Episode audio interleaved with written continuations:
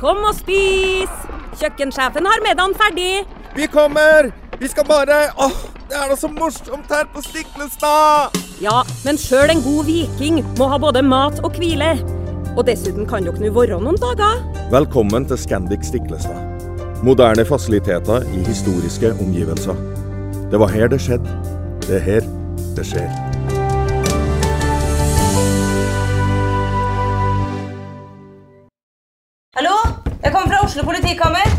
Ine Jansen er purk. Er du purk? The motherfucking bitch. Alt jeg vil, er å finne ut hva som skjedde med mannen min. Jon Carew. Er jeg sikta for noe? Iben Akeli. Det er du. Ole So, Lars Berrum og Big Daddy Karsten. Hvem sin side er du på, egentlig? Anette Hoff, Tone Danielsen, Kommer du fra Afrika? Jørnis Josef, Nesten. Kløfta. Trond Espen Seim, Det er synd å si det, men det var feil mann som døde. Purk. Premiere tirsdag på TV2 Play.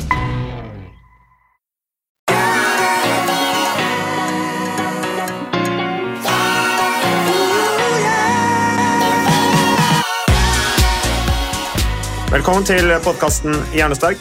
Det er eh, litt forskjellig jeg tenkte vi skulle snakke om i dag, eh, Ole Petter. Um, Nå har det jo vært litt sånne saker i media hvor man på en måte har gått igjen, eller ikke på en måte, men hvor man har gått igjennom hvordan vi håndterte eh, covid-19-pandemien, koronapandemien. Og det er jo lett å være etterpåklok, men samtidig så må man jo kjøre en debrief. Hva var bra, hva var mindre bra, hva kan vi gjøre mer av? Og Vi snakket jo litt om det før vi satte på eh, opptaksknappen her, at uh, tenk på hvor vilt det egentlig var, det vi holdt på med. Samtidig som der og da så var vi jo lydige borgere og hadde forståelse for det. Og som sagt, det derre etterpåklokskapens navn, det er uh, det er jo, Da skal man passe på å være litt balansert, etter min mening. Men grunnen til at vi begynte å snakke om dette med covid, Ole Petter, var jo det at vi har sett og sett på en artikkel her, hvor jeg tenkte vi skulle snakke om dette her med intervalltrening for barn. Uh, har det egentlig noe effekt? Er det andre alternative måter som er mer gøy, som, som kan, som kan uh, gi samme effekt for barna? Uh, og samtidig kanskje gjøre at motivasjonen deres til å fortsette med trening og gjøre det mer lystbetont blir, blir forsterka. Og da kom du inn på tall fra noen statistikk som viste at, eller minnet oss på at norsk idrett har mistet rundt 200 000 medlemmer, hvorav størsteparten av de er barn og unge. Og Det er jo litt sånn kritisk. Dette her er altså tall fra 2019, og da kan vi jo anta at pandemien har spilt en ganske stor, hatt stor innvirkning på det frafallet. Hva tenker vi om det, Ole Petter? Hva er dine tanker? Ja, Tankene mine er at Det er vel ikke en hypotese engang. Vi vet at en veldig stor andel av det frafallet, 200 000 medlemmer, de aller fleste barn og unge, de kom i forbindelse med pandemien. Og Årsaken var jo rett og slett da at da var det strenge restriksjoner for barn og unge også. At de ikke fikk lov til å ha vanlig trening. Jeg husker det veldig godt. Jeg var fotballtrener for min sønns lag. Og vi fikk jo da ikke lov til å møtes en, en, periode for å trene sammen, og så ble det restriksjoner som gjorde at du kunne trene, men du måtte holde litt avstand, og du kunne ikke spille fotball, du måtte gjøre andre øvelser hvor det ikke var nærkontakt osv. Og, og selvfølgelig, dette var jo gode intensjoner. Vi hadde veldig handlekraftige myndigheter i Norge som eh, satt i gang med ganske strenge, altså historisk strenge restriksjoner ganske tidlig. Og Det har nok på mange måter vært veldig bra. Det har, det har forhindret spredning, og vi har hatt relativt få dødsfall i Norge, basert, altså sammenlignet med andre land. Jeg tror allikevel at man tok i litt for hardt, og det sa jeg den gangen også. Jeg var veldig kritisk til det i media. At vi, vi påla barn så strenge restriksjoner. Og Det handler mest om at for det første så visste vi ganske godt at dette viruset det var ikke farlig for barn. Det var mye dokumentasjon på det, at de aller fleste barn som ble syke og smittet, de hadde lett sykdom, nesten ikke noe plager i det hele tatt, mange, og var absolutt ikke farlig. Og det å møte andre, være sosial, være i aktivitet, altså det er så kritisk viktig for barn. Så var, jeg var veldig skeptisk til det. og så Der syns jeg myndighetene gikk for langt. og som et resultat av det, så var det mange barn som ikke møtte opp etter pandemien. Det så jeg på mitt eget fotballag også. Vi gikk fra 14, 14 gutter som spilte fotball, plutselig var vi åtte. Mange kom rett og slett ikke tilbake etter pandemien. Nei. Og så tillegger man seg nye vaner. Det har du snakket litt om, Ole Petter, òg. Hjernen elsker vaner. Eh, og enten de er gode eller dårlige. Og det er veldig tungt å snu en vane, så man kan jo anta Ole at i denne perioden hvor det var pandemi, og vi ble bedt om å holde oss innendørs, så tilegnet vi oss nye vaner som eh, handlet om å da kanskje være mer Eller finne alternative måter å bedrive tiden på enn å være ute i lek eller drive idrett eller hva det måtte være, enten voksen eller barn. Og det kan man jo da anta at disse 200 000 menneskene som ikke lenger driver med idrett i, i Norge, eller er, er, aktive medlemmer av, av idretten i Norge, at de da har funnet på andre ting å bedrive tiden sin med. Eh, og hvis det da er Det kan jo være masse, det. Det kan jo være at de har begynt på treningsstudier og sånne ting. Det er ikke nødvendigvis at de ikke er fysisk aktive, men hvis det har ført til eh, mer inaktiv atferd, så vil jeg jo Eller så, så, så, betyr jo det da at vi må betale Eller at det kommer etterslep fra covid, da. Eh, og at vi fremdeles kanskje også i fremtiden vil betale prisen for de tiltakene eh, som da har dårlig innvirkning på folkehelsa med de eh, påfølgende kostnadene det medfører for, for samfunnet. Ja, og Det er selvfølgelig mange grunner til at folk slutter med idrett, både barn og unge og, og, voksne. Men det vi vet her, er jo at den andelen som er barn og unge, så er det gjort noen studier som tyder på at de som da har meldt seg ut og ikke lenger er med i organisert idrett, de har begynt med andre ting, selvfølgelig. Og mye av den aktiviteten de driver med isteden, det er gaming. Det er stillesitting. Mm.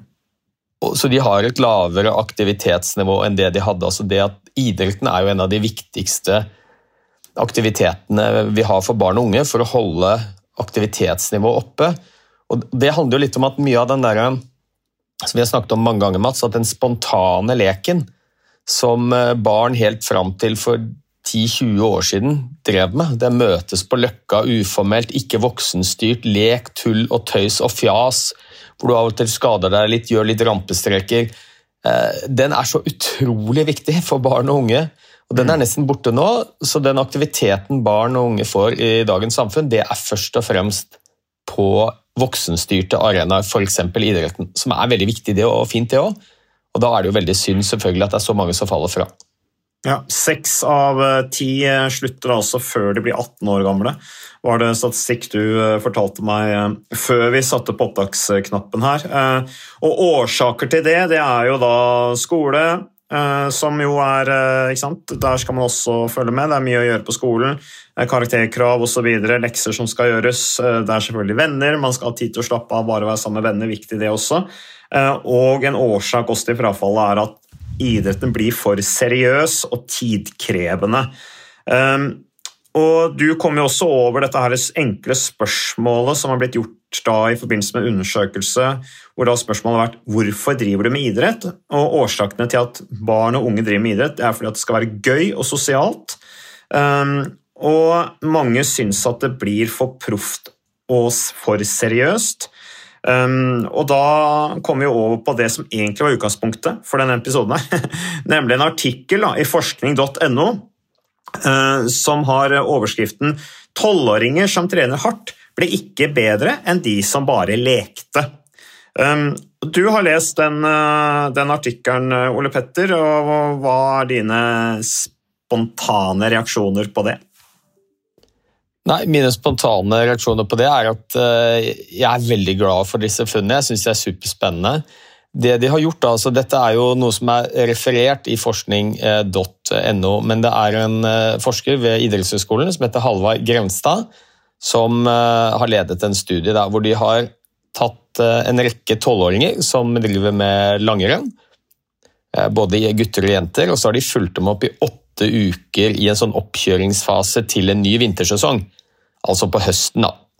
Fra september til november. Og det var 59 eh, gutter og jenter på 12 år med. Og så ble de eh, delt i tre grupper. Den ene gruppen, altså dette var da skijenter og gutter, som hadde fire treningsøkter i uka. De var tolv år gamle. Og den ene gruppen de skulle kjøre to intervalløkter med høy intensitet i løpet av uka, og to litt roligere økter. Altså en helt tradisjonell langrennstrening for denne gruppa. Og det var mest motbakkeintervall, da, gjerne med staver og løping. Hørtes tungt ut. Så, ja, og så, Det høres jo veldig tungt ut, jeg merker jeg blir litt sånn oh, glad jeg slipper det. Mm. Når jeg leser om det. Gruppe to de skulle ha lekbasert aktivitet på lav intensitet og enkel sylting. Altså lek og moro, basically.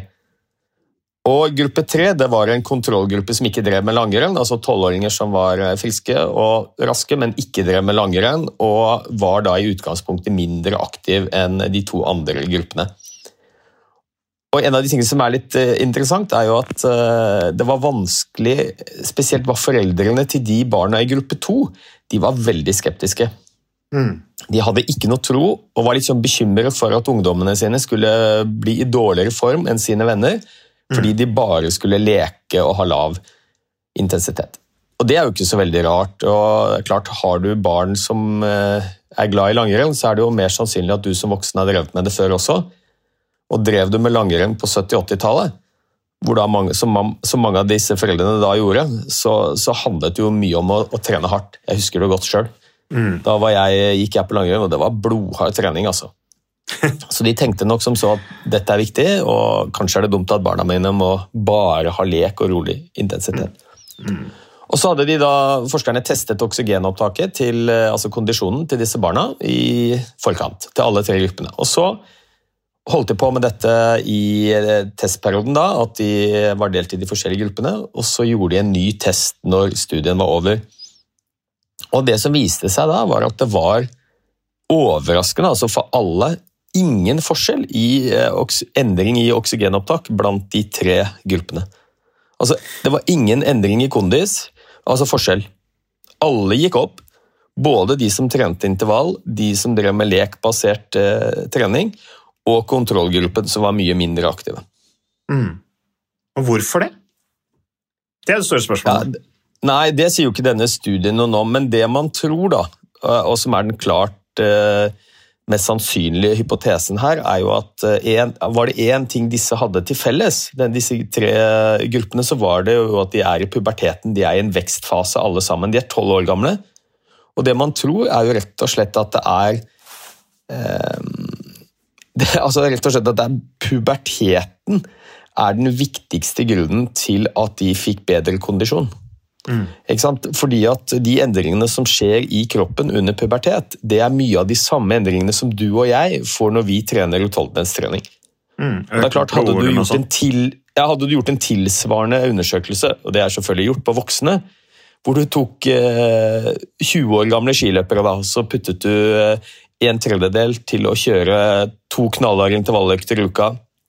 Gruppe to skulle bare drive med lek og lav intensitet, og så hadde du en sofaslitergruppe som kontrollgruppe.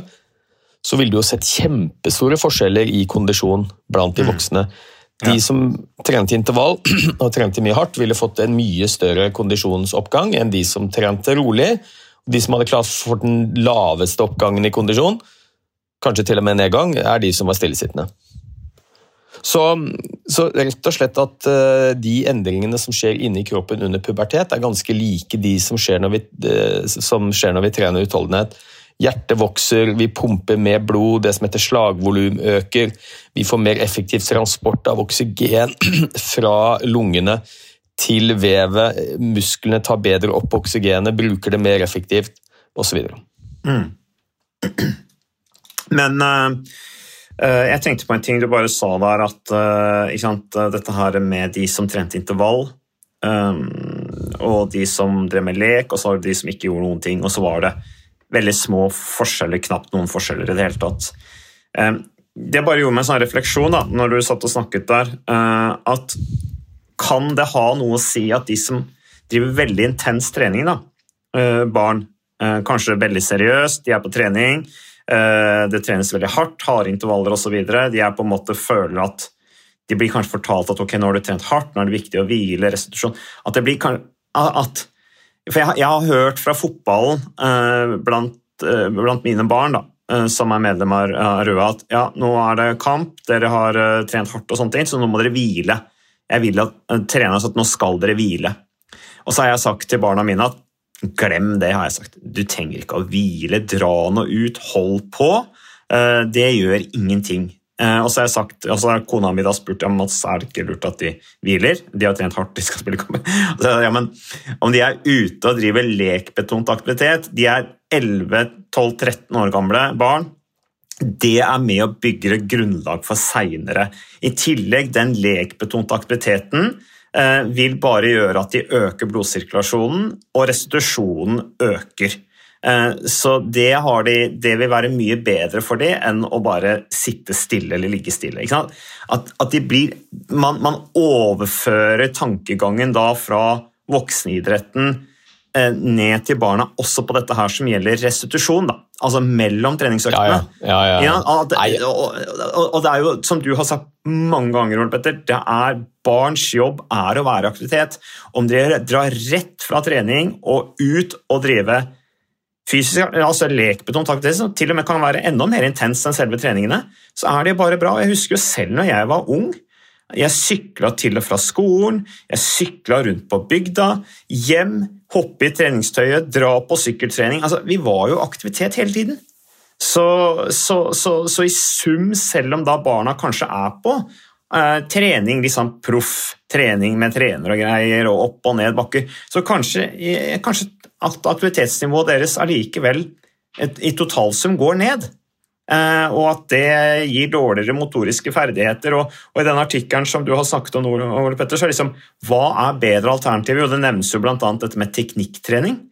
Men jeg tror, ikke, jeg tror ikke idrettsforeldre skal være redde for at barna deres er aktive etter å ha vært på trening òg. For det tror jeg faktisk at, at noen er, da. Fordi at ja, nå er det viktig å hvile, for du skal ha overskudd. Men det blir helt corny når det er snakk om små barn. Ja, men altså, tolvåringer trenger jo altså, De trenger ikke altså, hvile. Søvn, søvn trenger de selvfølgelig, og noe hvile, men det er jo ikke noe, jo ikke noe problem i Norge det at norske barn hviler for lite. Tvert imot, de er jo for lite i aktivitet.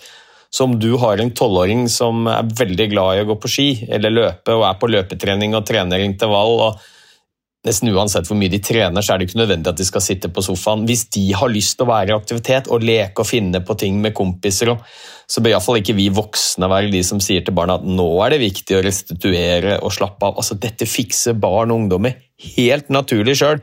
Er det en ting vi voksne ikke trenger å gjøre, så er det å, å fortelle barna våre at nå er det viktig å hvile. Altså, og, og vet du hva, Det hører jeg ganske mange voksne si. At vet du hva, åh, nå er du sikkert sliten. Nå er det på tide å hvile. Og, og det er nok ofte, tror jeg, projisert fra oss voksne. Vi opplever det sånn. Kanskje har vi hatt en lang dag på jobben, vi er slitne. Helt naturlig.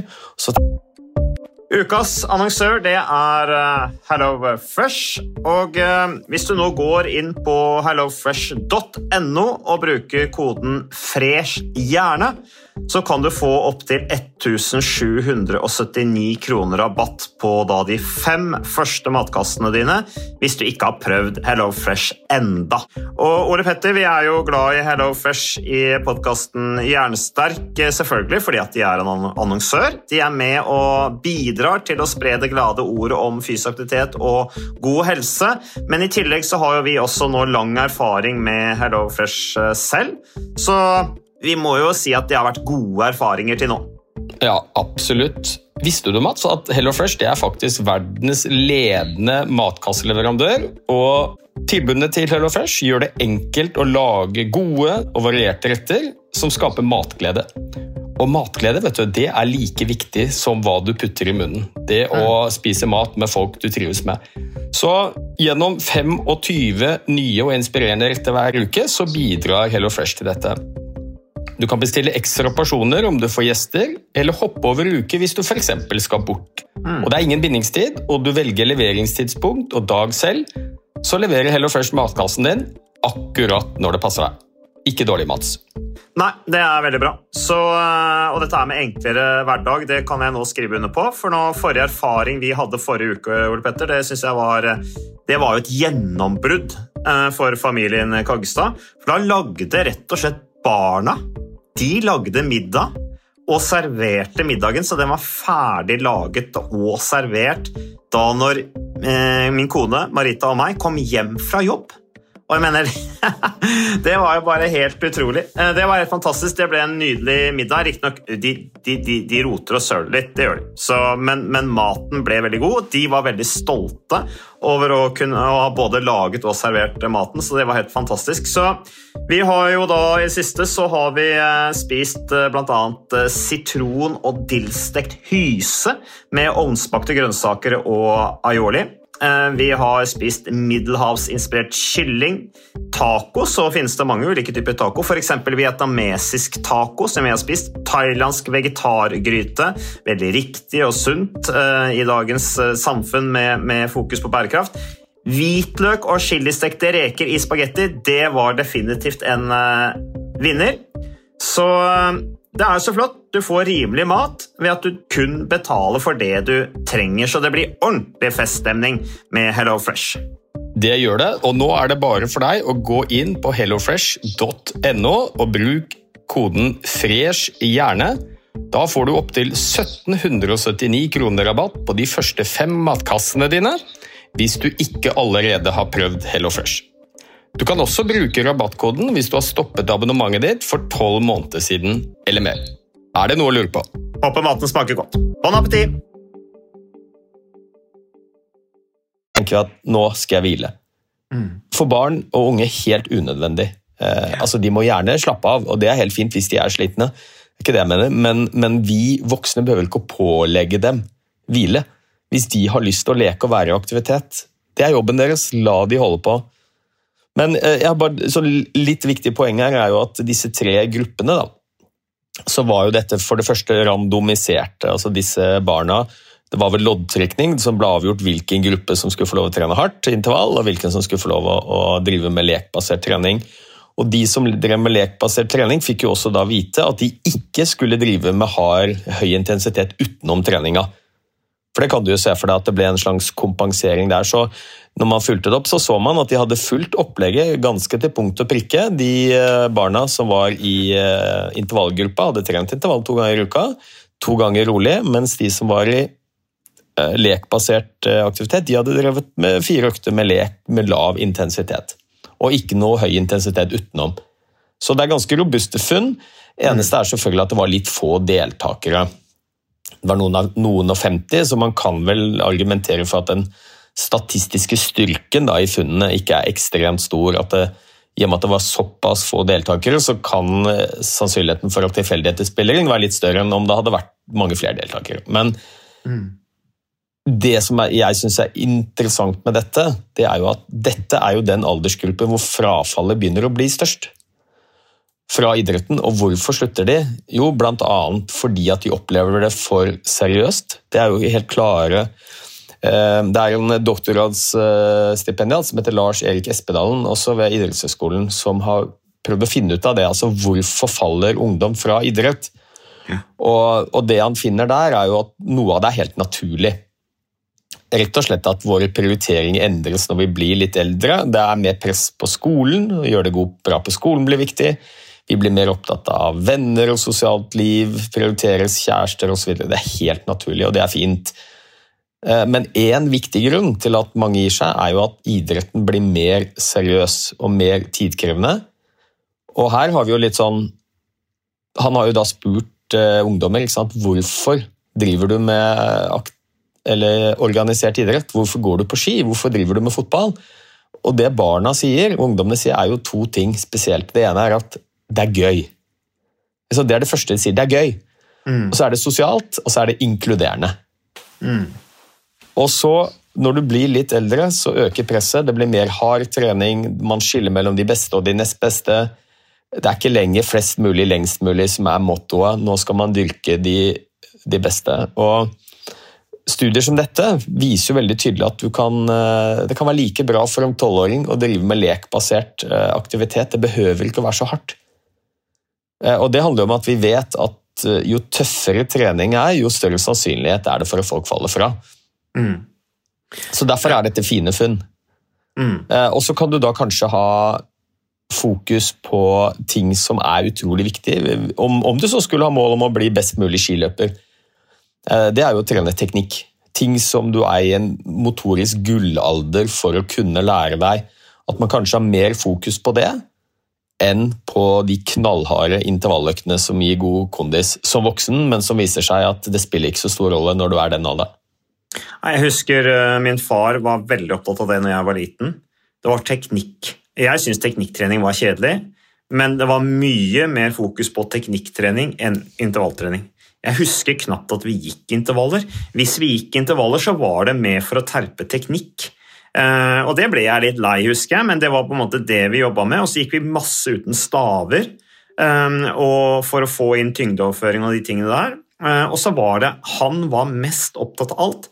Det var å, å komme seg ut på langtur og gå sammenhengende intensitet over tid og gå fra ett sted til en annet, sånn at det skulle bli en, en, en viss sånn reise over det. At man skulle til et sted, ta og kose der, spise en sjokoladebit, og så gå tilbake i kontinuerlig intensitet. Da. Eh, helst i grupper. Eh, så, så intervalltrening drev vi veldig lite med som små, men vi var, vi, men vi var jo ute og holdt, holdt oss i kontinuerlig aktivitet. Og sånn for mine barn òg, altså jeg tenker jo på grunnlaget til barna mine nå. Eh, såpass kynisk er jeg.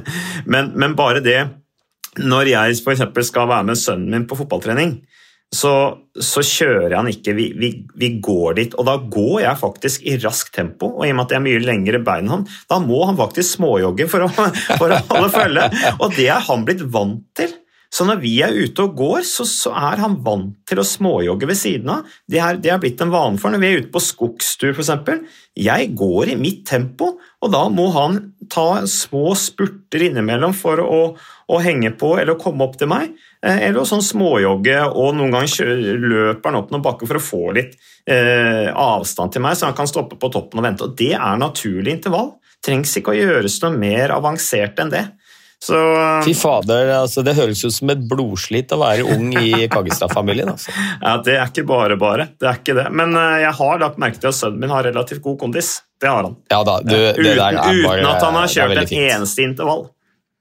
Ja, og, jeg har lyst til å påpeke her at uh, det er ikke noe galt med intervall. Hele poenget er jo at uh, hvis du skal ha med disse tolvåringene videre, og det ønsker vi jo selvfølgelig, uh, ikke fordi de nødvendigvis skal bli uh, verdensstjerne. Det er verdt å legge merke til de aller fleste ungdommer som blir spurt om hvorfor de går på ski, eller hvorfor de spiller fotball, så er det ikke fordi de skal få god kondisjon eller bli proff. Selvfølgelig er det en del barn som har drømmer om det, og de drømmene må de gjerne få beholde, men de fleste er med fordi det skal være gøy. Og mm. blir det ikke gøy, så slutter de. Eh, og er det gøy å kjøre intervall, så for all del gjør det. Det er ikke noe galt med intervall, men i snitt, de aller fleste syns det er artigere med lekbetont aktivitet. Og det er jo ikke så rart. Igjen, det er barns jobb. Lek og aktivitet. De leker spontant når de får lov til det. Mm. Så, så jeg, jeg, tror dette kan være viktig for å beholde flere. At dette er informasjon som også trenerne har. Altså De har kunnskap om dette. Sånn at uh, det viktigste for å ikke bare beholde disse barna, men også viktig for å utvikle kondis. Det kan være lekbasert aktivitet. Og så ser man også at det er litt forskjell mellom de barnegruppene som har det profesjonelle trenere, eller betalte trenere, og de som har fedre- eller mødretrenere. Eh, og Idretten i Norge hadde ikke fungert hvis det ikke var mammaer og pappaer som stilte opp på frivillig basis, så all ære til de som gjør det. Det syns jeg er helt fantastisk. Ehm, men det man ser, er jo at eh, det er litt tendens til høyere intensitet i treninga der hvor det er foreldretrenere, enn kall det proffetrenere. Ja. Og Det handler nok kanskje litt om at man har drevet med dette sjøl som eh, foreldre, og, og, husker tilbake til den gangen man, hold, man holdt på sjøl. Mm. Da var det mye hard trening, det var det som gjaldt, og, og så overfører man det videre til, eh, til barna. Så også foreldretrenere har nok godt av å lese denne studien og se at uh, ingen endring i kondis, altså. Om du driver og leker og har det gøy, eller om du løper uh, motbakkeintervall. Du kan ha det gøy da òg, altså. men uh, du må ikke trene beinhardt for å få god kondis, sånn som det er hos voksne. Det er rett og slett puberteten som er den viktigste prestasjonsfremmende faktoren. Og den Mm. skjer av seg sjøl. Ja, så det viktigste vi gjør er å skape idrettsglede. Uh, og, og skape gode Utvilsomt. minner som de kan leve på, og som gjør at de fortsatt har lyst til å drive med aktivitet og drive med idretten. Men jeg tenkte litt på sant, frafallet. Det kan jo også være de grelle eksemplene vi har da, eh, fra bl.a. Eh, kalde krigen ikke sant, med Sovjetunionen og Øst-Tyskland og broilervirksomheten de drev med der, men, men en del eh, i tiden jeg har fulgt med som sportskommentator og sant, satt meg inn i andre utøvere, og sånne ting, så ser jeg jo en del eksempler på utøvere som plutselig har begynt å sykle, f.eks. Og så har de drevet med andre idretter tidligere, og så har de vært på sånne eh, talentspeiderleire, eller hvor da de nasjonale forbundene har vært til stede, og så har de rett og slett sagt ja, men du burde ikke drive med fotball, du burde drive med sykkel. Eller du burde ikke drive med løping, du burde drive med svømming. Og så har de rett og slett blitt eh, slusa inn i andre idretter de i utgangspunktet ikke drev med eller hadde bakgrunn for, men så har det vært da eksperter der fra de ulike idrettene som har sagt ja, men du har mer talent for å drive med en annen- annen idrett. Og så har de rett og slett da blitt hjulpet inn i en annen idrett og funnet ny motivasjon på noe de da i utgangspunktet har mer talent for å drive med. Og Det er en tankegang vi ikke har i Norge, men som er ganske systematisert, har jeg inntrykk av bl.a. i USA. Jeg har lest at de driver med det i Canada, og sikkert en del masse andre, idrett, eh, andre land også, uh, som uh, vi enten vil eller ikke vil assosiere oss med. Men, men uh, det syns jeg også er litt interessant, da, i forhold til å finne en idrett som passer barnet godt. I forhold til hva slags fysiske forutsetninger de har, istedenfor at de skal holde på med noe de ikke føler de takler, og dermed kanskje ikke har lyst til å drive med det. Men at de fremdeles kan drive med idrett, men kanskje en idrett passer bedre. Og så er det en annen ting du nevnte her. Vi har jo snakket For noen uker siden så snakket vi om disse amerikanske forskerne som har denne siden hvor de snakker om nå må vi gi barna våre rom til å holde på for seg sjøl. Vi må ikke eh, hele tiden være så opptatt av at samfunnet er så farlig, så vi skremmer barna fra å være utendørs. Det er jo litt det du snakker om her også. Barna trenger et rom hvor de får avkobling fra de voksne. Eh, Vi må passe at vi ikke styrer dem for mye, og det kan kanskje være at nettopp gaming er det eneste stedet hvor de på en måte kan være barn og de finner samfunn. ikke sant? De kan være for seg sjøl og slippe unna voksnes mas. Også, Og så Dette her du sa også, Petter, som jeg syns er litt spennende. altså Om du som foreldre føler deg sliten, så ikke gå og snakk om at du er sliten, for du overfører den slitenheten til barna dine. Uh, og det der som du sier, er du sliten? Jeg, jeg tror vi skal være litt forsiktige med å si til barna våre og spørre de hele tiden om de er slitne, for leter de godt nok etter, så kanskje vi lærer barna våre at de skal være slitne. Uh, og vi forteller dem at nå er du sliten, for det er forventning at du skal være sliten. Og dermed så så, liksom, så, så forteller vi barna at nå bør ikke du være ute og leke, for nå skal jo du være inne og være sliten og, og Ja, hvile. Men, Ja. sliten er ikke noe, Det er ikke noe galt med å være sliten. Selvfølgelig er barn slitne, men slitne er normalt. Barn skal være slitne. Eh, Sliten er noe du blir når du har vært i fysisk aktivitet eh, og beveger deg, og, og det er helt naturlig for barn. Og Det er naturlig å bli slitne. Det å bli sliten er faktisk en del av den gevinsten som kommer på motorikken din, på kondisjon, på eh, alt, alt sosial kompetanseutvikling, alt det som følger med bevegelse. Eh, Så blir man sliten, men det er, der ligger også en del av gevinsten. Og når vi voksne snakker om sliten, så snakker vi ofte om noe helt annet. De fleste voksne som sier de er slitne, de er ikke slitne fordi de har eh, gått for langt eller løpt for langt eller er muskulært slitne, som begrepet opprinnelig handlet om. Vi er mentalt slitne, vi. Eh, Kanskje er det mye grubling og mye stress, og kanskje sover vi litt dårlig på natta, og det er mange sånne ting. Så um, nei, jeg er litt opptatt av det at vi ikke prioriserer det over på barna våre. Barns jobb er å være i lek og aktivitet, og de, de styrer fint dette med hvile sjøl. Vi behøver ikke å tvinge barna våre til å hvile. Eh, Vi burde heller pushe dem, eller ikke pushe, men legge forholdene til rette for at de får lov å utfolde seg og være aktive. Det er Så- positiv, og- altså, skape positive assosiasjoner rundt det å være i aktivitet. Det, det tror jeg ja. de voksne har et stort ansvar for. Da. Og så hadde du et poeng her som jeg bare lyst til å dele litt fra mitt eget, eh, min egen ungdom. fordi eh, det der at man, eh, man begynner kanskje med noe fordi alle andre gjør det, og kompiser. Jeg begynte som alle norske skolebarn å spille fotball. Jeg spilte masse fotball fra jeg var liten gutt. Jeg Syntes det var kjempegøy. Eh, i sånn 7, 8, 9, 10 års alder. Og så ble jeg 11, 12, 13 år, eh, og jeg var ekstremt sen i utviklingen, så jeg var jo et eh, hode og vel så det lavere enn alle andre jeg spilte med. Og jeg husker veldig godt at jeg for mange år siden jeg var 12-13 år, så skulle jeg til Stovner og spille mot Stovner. Jeg bodde i en annen ende av Oslo. Og det å reise til Stovner det var altså som i dag sikkert å reise til USA. Det var en reise over flere galakser. Det var langt unna. Og der husker jeg vi møtte spillere som de var så store. De hadde bart! Og jeg hadde jo knapt et hårstrå. Eneste sted jeg hadde hår, var på huet. Uh, og, og, disse gutta hadde, de hadde altså så mye hårvekst, og de var så store. Og det er klart det Når du da er um, ja, veier 15 kg mindre og er 20-30 cm lavere, så er det vanskelig å hevde seg i fotball. Så jeg mista litt mot motivasjonen. Uh, helt til vi hadde en uh, sånn kondistest som uh, fotballtreneren bestemte at vi skulle ha. Og da Jeg hadde jo ikke trent noe løping, i det hele tatt, men jeg var glad i å spille fotball og var mye aktivitet. Og så viste det seg at jeg, jeg grusa jo alle, alle, de andre i løping. Løp jo mye lenger og fortere enn de andre. Og da var treneren sånn Du, kanskje løping er noe for deg? Altså, jeg var rett og slett best uten ball. Mm. Uh, og da begynte jeg å løpe. Uh, fortsatte å spille fotball, men jeg ble mer og mer glad i å løpe. For det, det følte jeg at jeg mestra. Der hevda jeg meg, til tross for at jeg var ganske liten av vekst. Og fra jeg var 14, så har liksom løpingen vært en sånn ledetråd i, i mitt liv. og, og jeg er så utrolig glad for at jeg fant den. Mm. Det er Gjennom løpinga. jeg har hatt utrolig mange gleder og truffet mye av nettverket mitt og venner. og og så videre. Ja. Så, um, ja, du ble en god løper, du. Du var jo uh, du var på landslagsnivå, så det um, Jo, men, jo, det, jo, men det, Han treneren din var smart, men, altså, sa at du burde begynne å løpe. ja.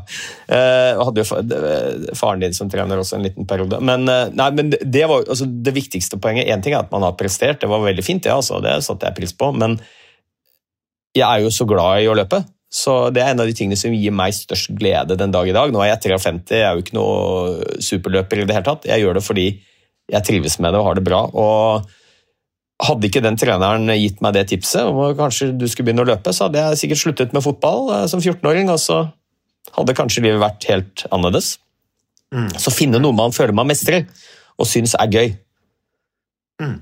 Ja. Ikke nødvendigvis fordi du skal bli god, men det har vi alle sammen et behov for. Vi har behov for å føle at vi mestrer noe. Da blir det gøy. Og, og der er man spesielt sårbar når man er 12-13-14 eh, år. Da begynner forfallet virkelig å bli stort, og da er det viktig å, å drive med ting som er gøy. Så det er vel uh, oppsummeringen av den eh, studien da, som vi har snakket om. At uh, det er viktig å ha det gøy for at man ikke skal falle fra. Og du må ikke trene knallhardt som tolvåring for å hevde deg og få god kondis. Nei. Jeg tenker det var eh, siste ord, eh, Ole Petter. Takk eh, for ditt bidrag. Takk til våre lyttere som lytter på podkasten vår. Det setter vi stor pris på. Takk til våre annonsører, og ikke minst også takk til moderne media som hjelper oss å realisere denne podkasten ukentlig. Vi er tilbake med mer neste uke.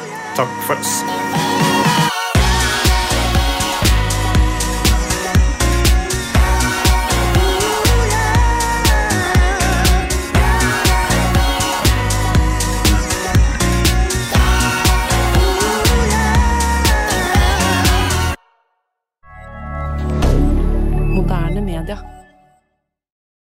Har du et enkeltpersonforetak eller en liten bedrift? Da er du sikkert lei av å høre meg snakke om hvor enkelt det er med kvitteringer og bilag i fiken, så vi eh, gir oss her, vi. Fordi vi liker enkelt. Fiken superenkelt regnskap.